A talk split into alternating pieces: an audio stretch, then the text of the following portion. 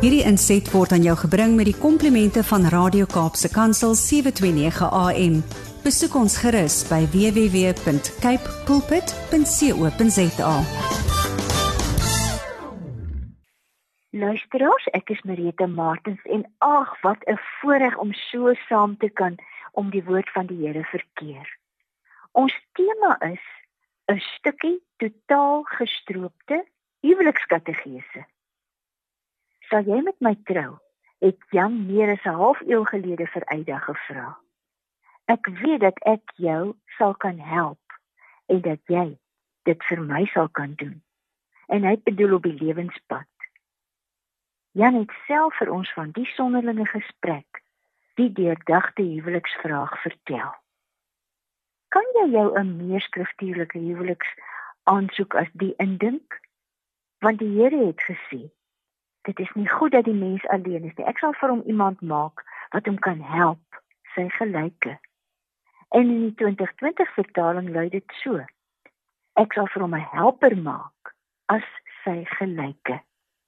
En dit staan in Genesis 2 vers 18. Jan en Aida het getrou en hulle het mekaar in alles gehelp. In elke geloofskrisis en alles wat twee Christene wat met mekaar trou saam moet hanteer.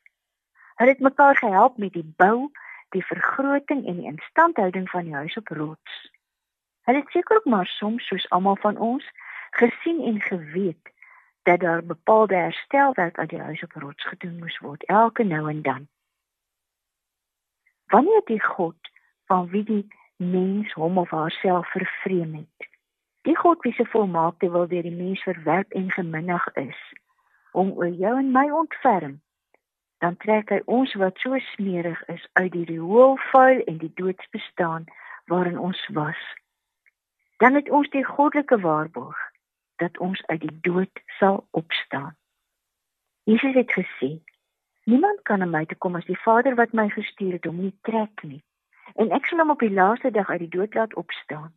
By een van die profete staan daar geskrywe en hulle sal almal mense wees wat deur die deur God geleer is.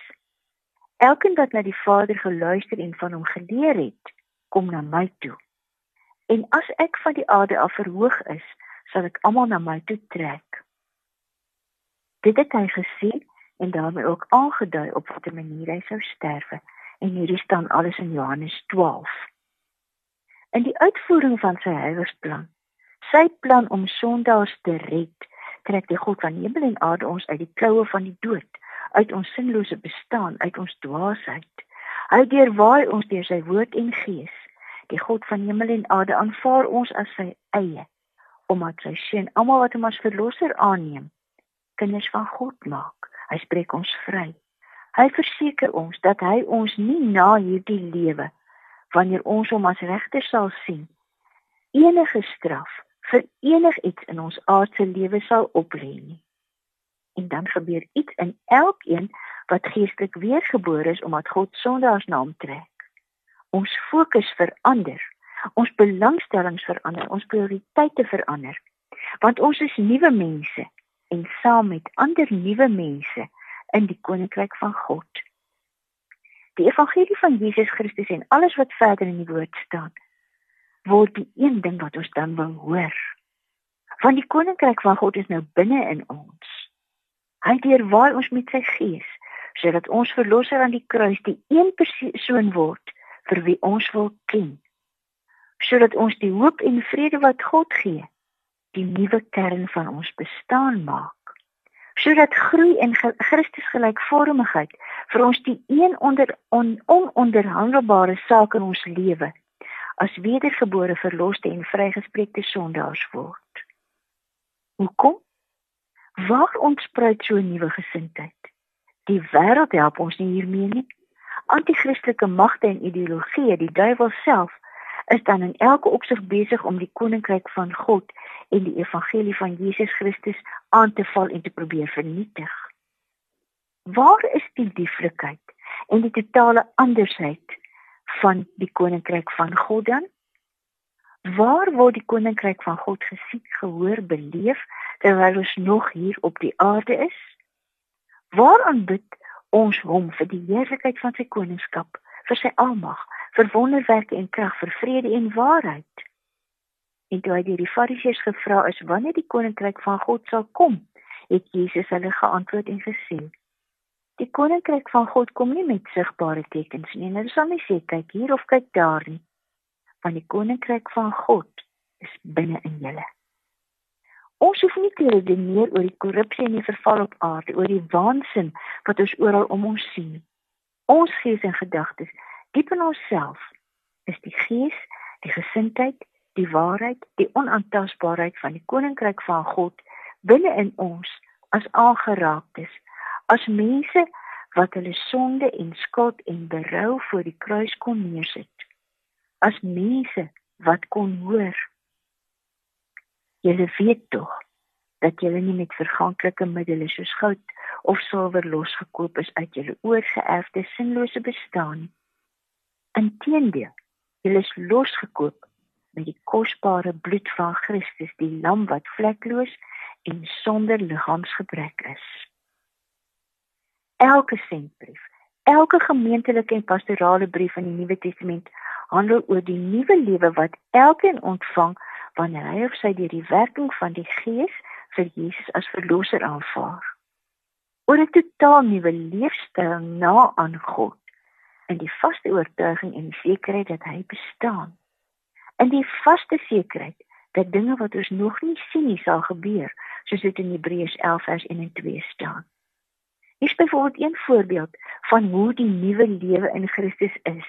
Efesiërs 4 vers 21 tot 24. Julle het tog van hom gehoor en omdat julle sy volgelinge is, is julle onderrig volgens die waarheid wat in Christus is. Hou dan op om te lewe soos julle vroeër gelewe het. Breek met die ou sondige mens in julle wat nog deur sondige begeertes verteer word. Julle gees en gedagtes moet nuut word. Lewe as nuwe mense wat as die beeld van God geskep is. Lewe volkome volgens die wil van God en wees heilig. En wat het dit nou alles met die openingsvertelling te doen?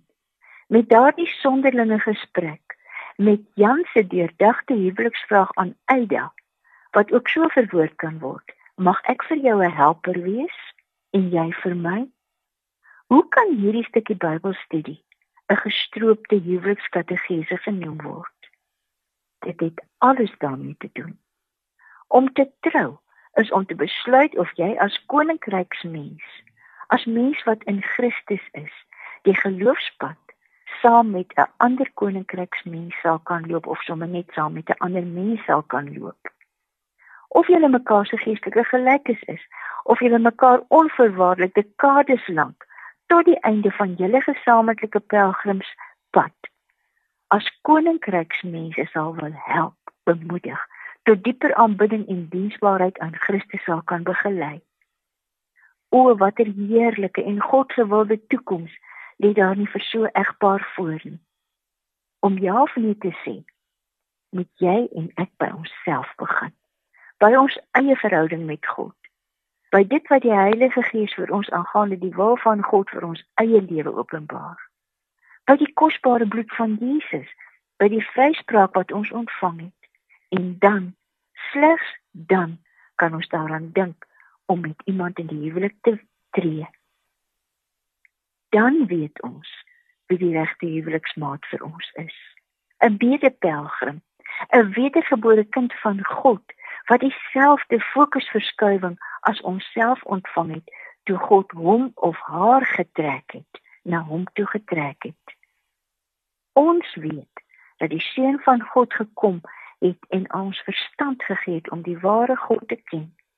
En ons is in die ware God in sy seun Jesus Christus. Hy is die ware God en die ewige lewe. Dit staan in 1 Johannes 5 vers 20. Jou regte huweliksmaat, as jy hierdie belydenis het, is iemand wat hierdie selfde belydenis as jy het en dit so ernstig opneem soos jouself. Amen. Hierdie inset was aan jou gebring met die komplimente van Radio Kaapse Kansel 729 AM. Besoek ons gerus by www.cape pulpit.co.za.